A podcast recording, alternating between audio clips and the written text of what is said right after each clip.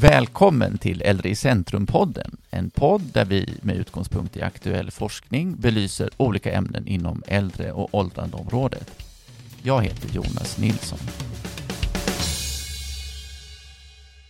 För två år sedan tillsattes i Storbritannien en ensamhetsminister. I samband med det riktades strålkastarljuset även här i Sverige mot ensamhet. Kanske särskilt ensamhet bland äldre.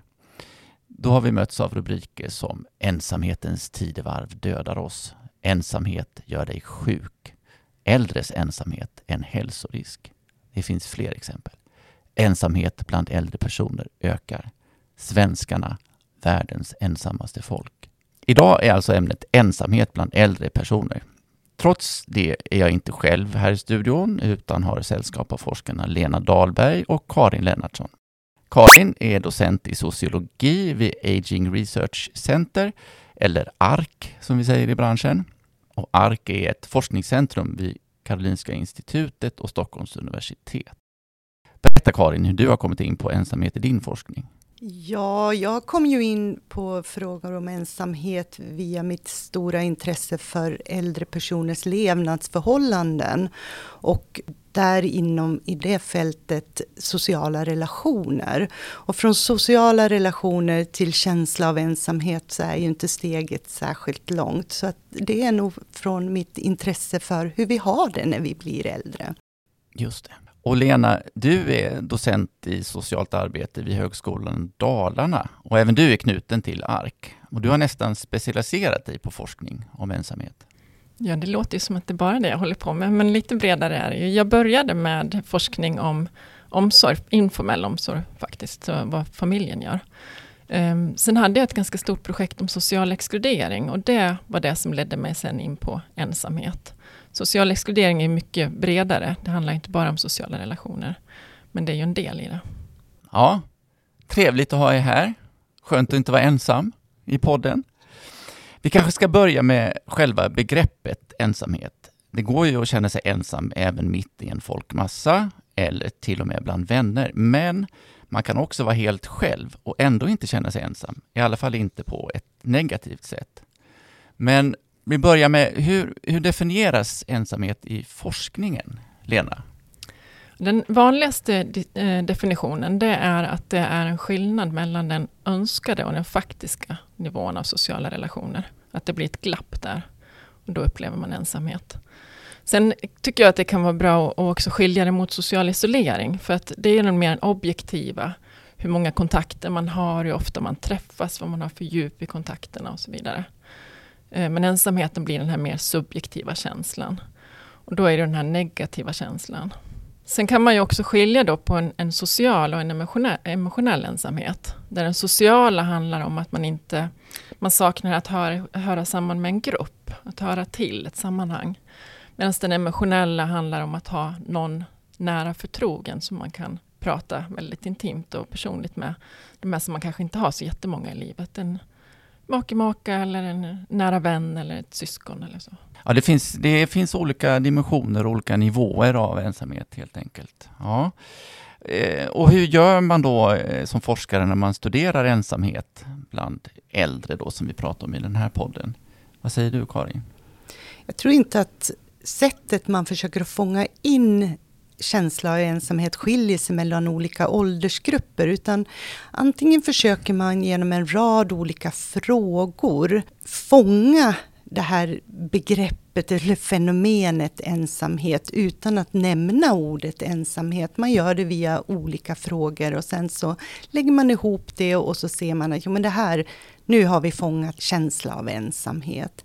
Men man kan ju också ställa en enkel, rak fråga. Känner du dig ensam? Upplever du känsla av ensamhet? Så det är lite på olika sätt man gör i forskningen.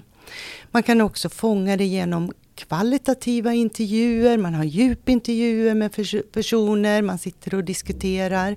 Men man kan också då via olika enkäter eller större intervjustudier fråga antingen de här frågebatterierna då, eller enkel fråga och då via kvantitativa metoder mäta ensamhet i en befolkning. Mm. Och man gör det på nationell nivå, på regionala nivåer och i olika grupper. Ja, så det ser lite olika ut. Men... men hur ser det ut då? Vad har vi för siffror att sätta på begreppet mm. ensamhet? Karin och jag har jobbat då i en studie som heter Sweold, som är en nationell studie. Så då kan vi ha lite koll på hur det ser ut i landet. Och vi tittade på personer som var 76 år och äldre i den här studien. Och då är det mellan 12 och 15 procent eh, som upplever ensamhet ofta eller alltid. Ibland ser man ju mycket högre siffror. Det kan handla om 30 procent och 50 procent. Men då brukar man ha med att man upplever ensamhet ibland. Och det kan väl jag tycker att det kanske inte är ett så stort problem om man upplever ensamhet ibland. Jag tror handen på hjärtat att de flesta av oss Ja, det skulle man göra. säga. 100 procent ja. upplever det ibland. Ja, Eller, så att det, ja. det kan ju vara olika olika tider av livet också, men alla har väl någon gång upplevt ensamhet i någon situation. Så att jag, jag, tror att de här som upplever det ofta eller alltid, eller att det liksom pågår under väldigt lång tid, att det, det är där problemet är. Och då är det egentligen en ganska liten grupp, kanske lite mindre än vi föreställer oss. Ja de tidningsrubrikerna som jag läste upp förut, de antydde ju att det var ett stort omfattande problem. Och 12 till 15 procent, det är i och för sig det är ju många personer på ett nationellt plan. Men finns det någon, någon tendens till att överdriva omfattningen i de här rubrikerna, möjligen? Det tycker jag i alla fall. Jag vet inte vad du säger Karin, men ibland kan det stå att det är, en, att det är nya folksjukdomen och det är en epidemi som sprider sig. Och det låter lite värre än vad det är kan jag tycka. Sen är det för de personerna som, som upplever ensamhet så ska man inte förminska för problemet. Men det är ju inte så att majoriteten äldre personer går och upplever ensamhet varje dag. Nej, just det. Hur ser det ut över tid? Har det skett någon förändring där? Ja, det där är också en liten myt. Att man, man, det, liksom, man, det ser ut som det har skett någon explosionsartad utveckling där vi är mycket mer ensamma idag än vad vi var på, på det goda 50-talet eller så. Eh, vi har ju då genom Swehold kunnat följa personer från början av 90-talet fram till idag. Och där är nivån stabil. Vi hittar inga förändringar över tid, utan det har legat stabilt. Sen finns det ju spännande studier tycker jag, där man har kunnat gå längre tillbaka. Så i, i Storbritannien har man kunnat jämföra med studier från 40, 50 och 60-talen. Och inte ens i det perspektivet så har man hittat några större skillnader. Hur ser det ut tidsmässigt i, hos en individ? Alla individer är olika, men är, är det så att man, om man en gång har blivit ensam eller upplever stor känsla av ensamhet, är man det då? Eller? Om vi går till vår egen studie då, som Lena och jag har genomfört, så har vi ju kunnat följa individer över en sjuårsperiod. Och då kunde vi väl se att för de allra flesta så är man inte ensam. Man känner inte känsla av ensamhet. Men vi hade ju några då som upplevde känsla av ensamhet och när vi tittade sedan sju år senare så har ju hälften av dem gått ur den här ensamheten. Och vi har ju inte mätt då emellan de här sju åren. Vi vet ju inte om man har gått in och ur känsla av ensamhet under den här perioden. Men vi skulle nog i alla fall kunna tolka våra resultat som att det är ett ganska fluktuerande fenomen. Ja, och det känns att det kan man ju tänka själv är ganska naturligt mm. om man går till sig själv. Mm. Och det kan ju uppstå olika händelser i ens liv eller man kan förlora någon närstående eller så vidare. Och då kan ju känslan bli påtaglig under en period för att sedan ebba ut. Och det är ganska naturligt. Ja, mm. exakt.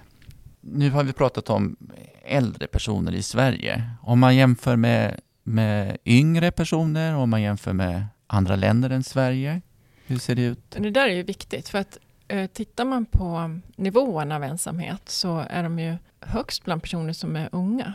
Så upp till 25 sådär, tonåringar, unga vuxna.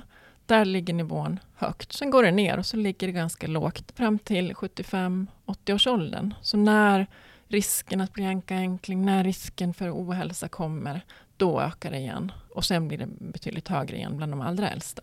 Och där finns det också jämförelse med andra länder eller andra regioner ja, i världen? Absolut. Ja. Det, det, finns ju också en bild av, det var väl också någon tidningsrubrik du läste där, att just i Sverige så är man särskilt utsatt för ensamhet och att vi har ett väldigt individualistiskt samhälle. Eh, och det, det, är ju lätt att tänka sig liksom att i Sydeuropa, där det är någon slags fiesta hela dagen, så umgås man mycket och det, man upplever inte ensamhet. Men det är faktiskt tvärtom.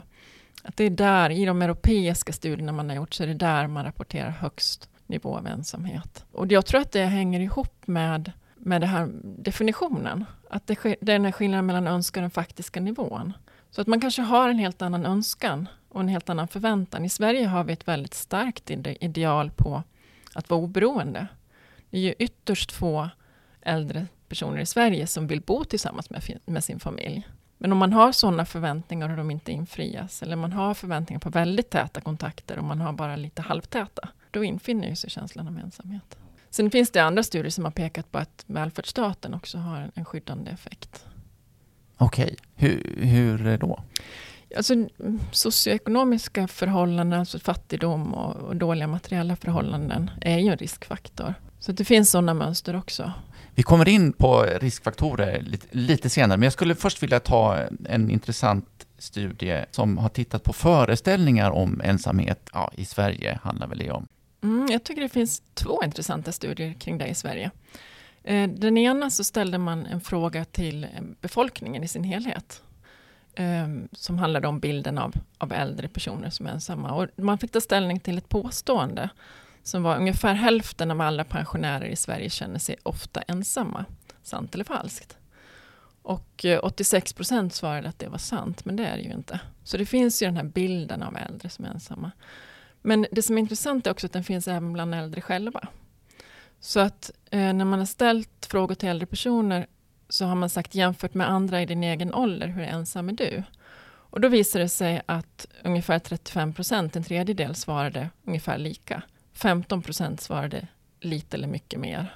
Och över hälften svarade mindre eller mycket mindre.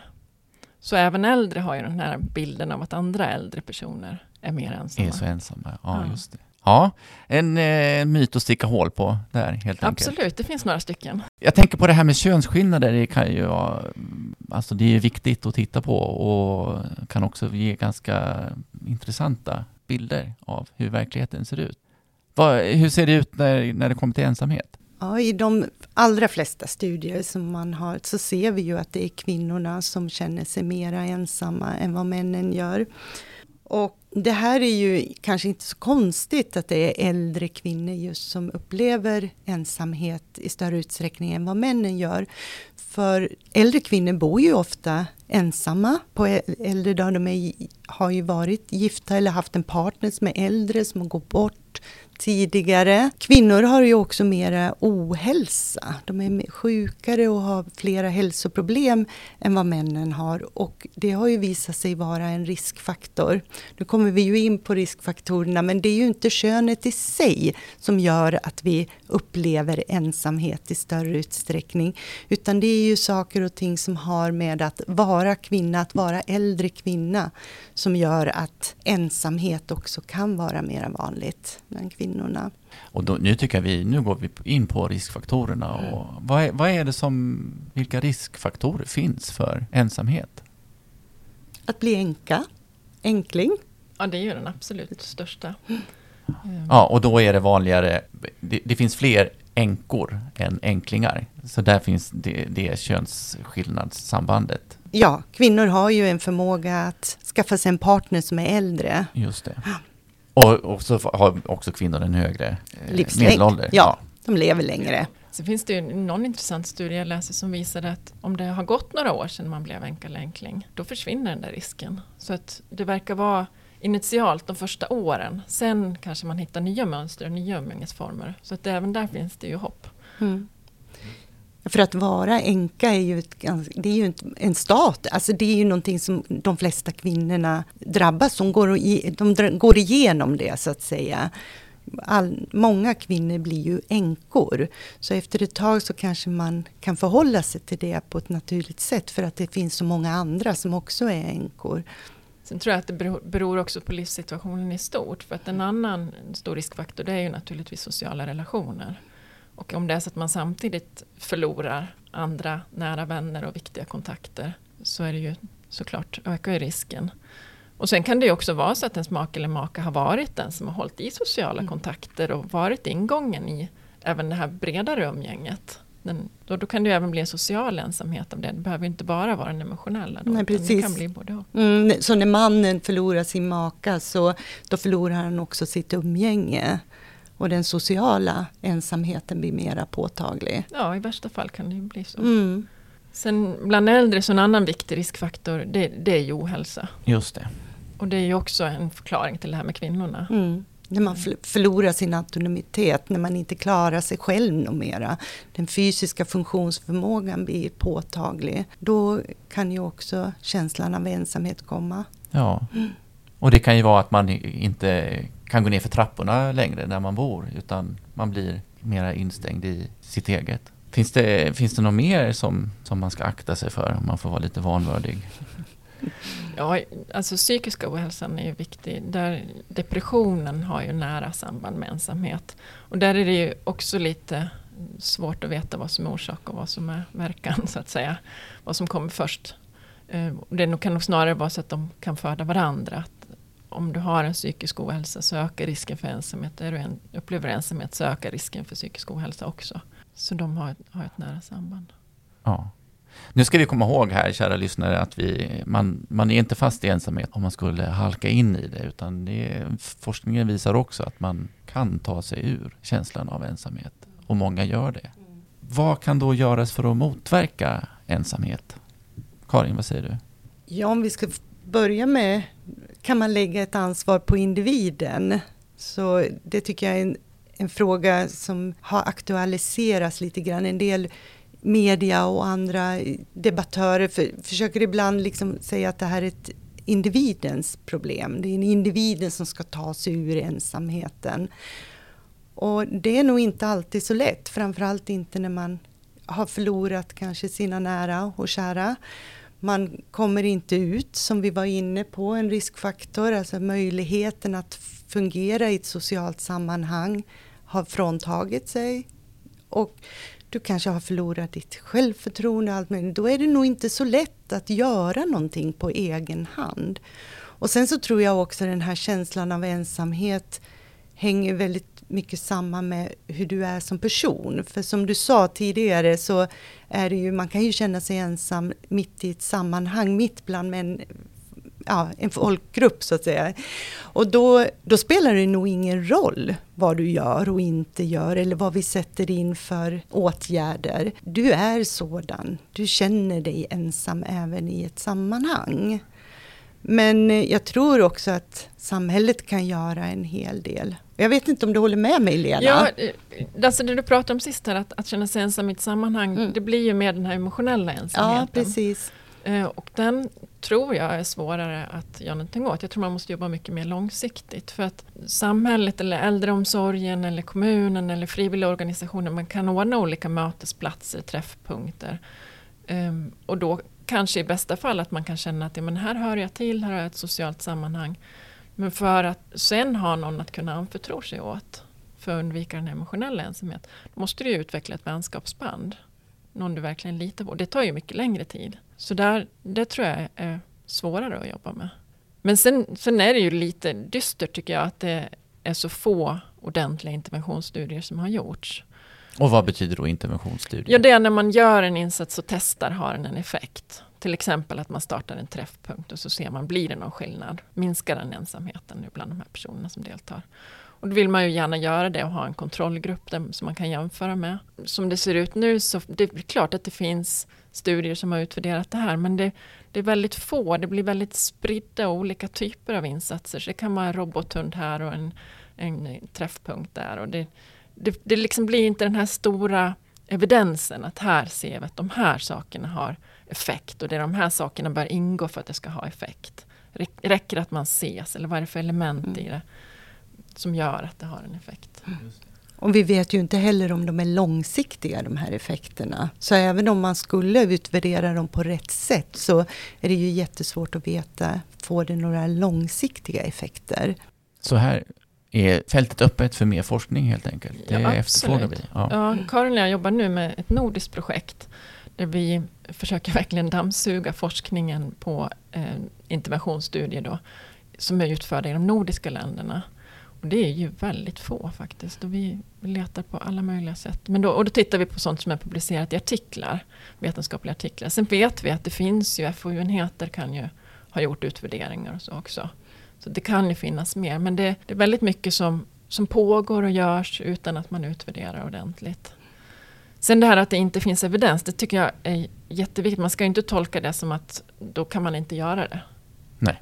Utan det är bättre att göra någonting än ingenting och hoppas att det har en effekt då, tills man har något bättre alternativ. Men det är ju ändå viktigt om vi ska lära oss och förstå vad som faktiskt är, är värt att satsa på. Att vi följer upp det ordentligt.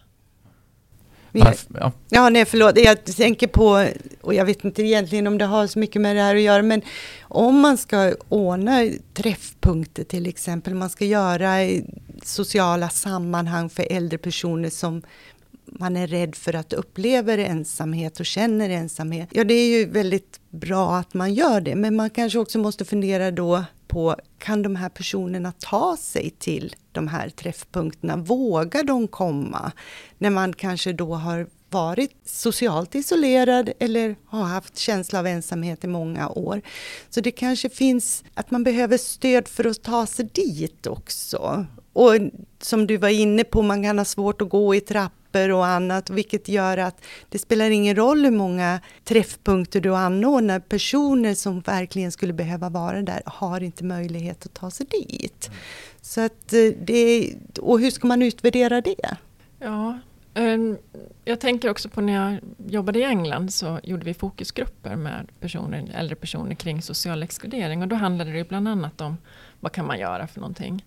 Och de lyfte, de satte så bra ord på det, de pratade om handholding, alltså någon att hålla i handen. Har du varit upplevt ensamhet länge, du kanske har varit ganska isolerad och så ska man ta sig till den här gruppen, man, man får liksom bilden av att de här har träffats, de känner varandra, tänk om jag sätter mig på någon annan stol och det är ingen som vill prata med mig. Men om man har då någon som håller en i handen första gången och säger att men hej, det, här, det här är Britta och, och det här är Oskar och så börjar man prata och man får lite hjälp in. Sen behöver det inte alltid vara, man säger rakt ut att det är funktionen, utan det kan ju vara att man ordnar med transporten. Men det är klart att man också följer med in. Men just det där att, att våga komma iväg kan man behöva hjälp med. Mm. Och det här kan ju bryta den sociala ensamheten. Och sen är det ju frågan, bryter det den emotionella ensamheten? Ja, det vet vi ju inte. Men det är ett steg på väg kanske. Mm. Ja, men precis. Mm. Det är kanske en förutsättning för att få möjlighet att skapa band till någon, mm. är ju att man träffar andra. Mm. Sen är det ju en sak till som jag tycker är jätteviktigt och det är ju eh, äldreomsorgen. Hur den organiseras. Nu är det ju en mindre grupp av hela gruppen äldre personer som får äldreomsorg. Men för de personerna så tycker jag det är viktigt att man inte bara tittar på fysiska behov utan också sociala. Men när det blir tajt med ekonomin så är ju risken att man fokuserar mer på fysiska behov och att man prioriterar ner det sociala. Men det är ju jätteviktigt att äldreomsorgen har ett socialt innehåll. Ja, absolut skulle ju äldreomsorgen behöva mera resurser till att också möta de sociala behoven som finns. Och självklart är det väl så att det är viktigast att vi får i oss näring, att vi är hela och rena och det är de basala uppgifterna. Men de sociala kan ju vara minst lika viktiga och det kan ju också göra att man orkar, att man tar sig till att äta och så vidare om man har lite mera socialt tänk i äldreomsorgen. Ja, mm. precis. Ja, det, man kan ju bara gå till sig själv. Såklart att det är så. Ja, och jag tror inte så att det är äldreomsorgen gör det här med flit, utan det är som Lena säger, det finns inte resurser, det finns inte tid för att tillgodose de sociala behoven idag.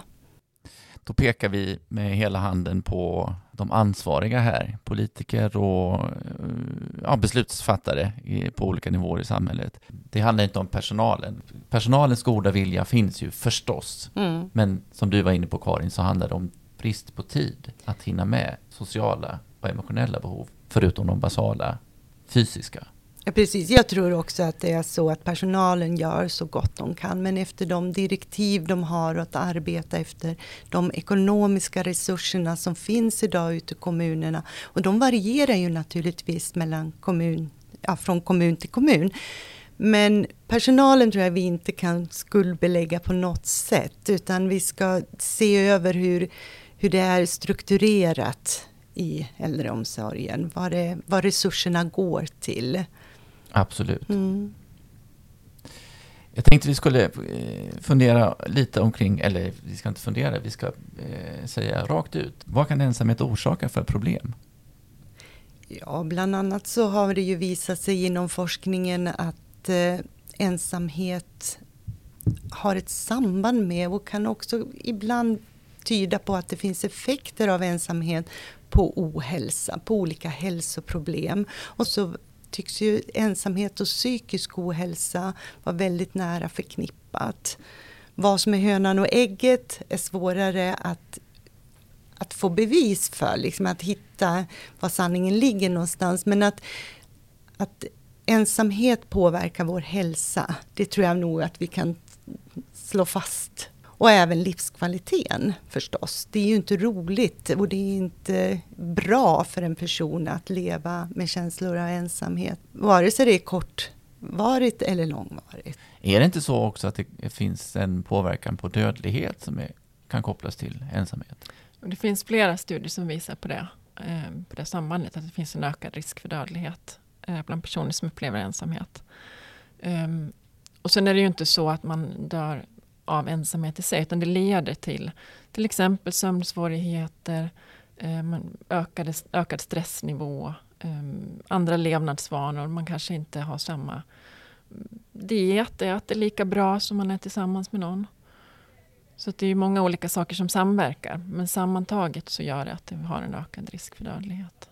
Finns det någonting som berör ensamhet hos äldre som vi har glömt att prata om? Men det måste ju vara tusen saker. Ja, det är ju säkert det är ju en himla komplex fråga. Men vi har ändå täckt in en hel del tycker jag och det har varit jätteintressant att ha er här. Jag tänkte ställa en avslutande fråga. Jag refererar till den engelska eh, ensamhetsministern tidigare. Vad, vad säger ni? Skulle vi behöva en svensk ensamhetsminister? Behöva, behöva, men eh, jag tycker att det vore lite felprioriterat faktiskt. För att om man tänker sig en ensamhetsminister, då är det någon som ska jobba med ensamhet bland unga, ensamhet bland äldre personer. Eh, och jag tänker att det är väldigt olika livssituationer man har där. Det, och också är det den frågan som är den absolut viktigaste. Det är självklart att jag tycker det är en viktig fråga, men det finns andra viktiga frågor också. Kanske hellre att man skulle ha en äldreomsorgsminister som jobbar med äldres levnadsvillkor överhuvudtaget, där de sociala levnadsvillkoren och ensamhet är en viktig bit. Men det finns andra viktiga bitar också. Vad säger du Karin? Behöver du, behöver du en, en, eh, ensamhetsminister? Nej, jag håller helt med Lena och vi har idag en socialminister som har ett ganska stort ansvarsområde och då tycker jag istället att man ska fokusera kanske på äldreområdet, äldreminister som tar upp sociala förhållanden, ekonomiska förhållanden bland äldre personer som tror jag är ett större problem. Mm. Och även lyfter vård och omsorgsfrågor mer. Absolut. För idag är det ju så att, de äldre, att många äldre, när vi blir äldre så drabbas vi av olika hälsoproblem samtidigt. Och man kan, måste ställa sig frågan, är dagens vård och omsorgssystem utformat för den gruppen? Och det kan ju också göra att känslan av ensamhet, att man står där ensam när man ska navigera i detta vårdsystem, inte alltid är så lätt om man skulle behöva denna ledsagare eller någon att hålla i handen. Så jag tror att nej, hellre en äldre omsorgsminister. Med det rundar vi av det här första avsnittet av Äldre i centrum-podden som handlat om ensamhet. Tack Karin Lennartsson, tack Lena Dahlberg. Tack Jonas och tack för att vi fick komma. Ja, tack ska du ha. För den som inte känner till Äldre i centrum kan jag berätta att det är en populärvetenskaplig tidskrift om äldre och åldrande. Den kommer ut i pappersformat fyra gånger per år och finns också på webben www.aldreicentrum.se. Senaste numret, nummer 4 2019, innehåller ett tema om just ensamhet. Förutom ytterligare fördjupning i ämnet finns där också referenser till de studier som vi har nämnt. Men här slutar Äldre i centrum-podden om ensamhet.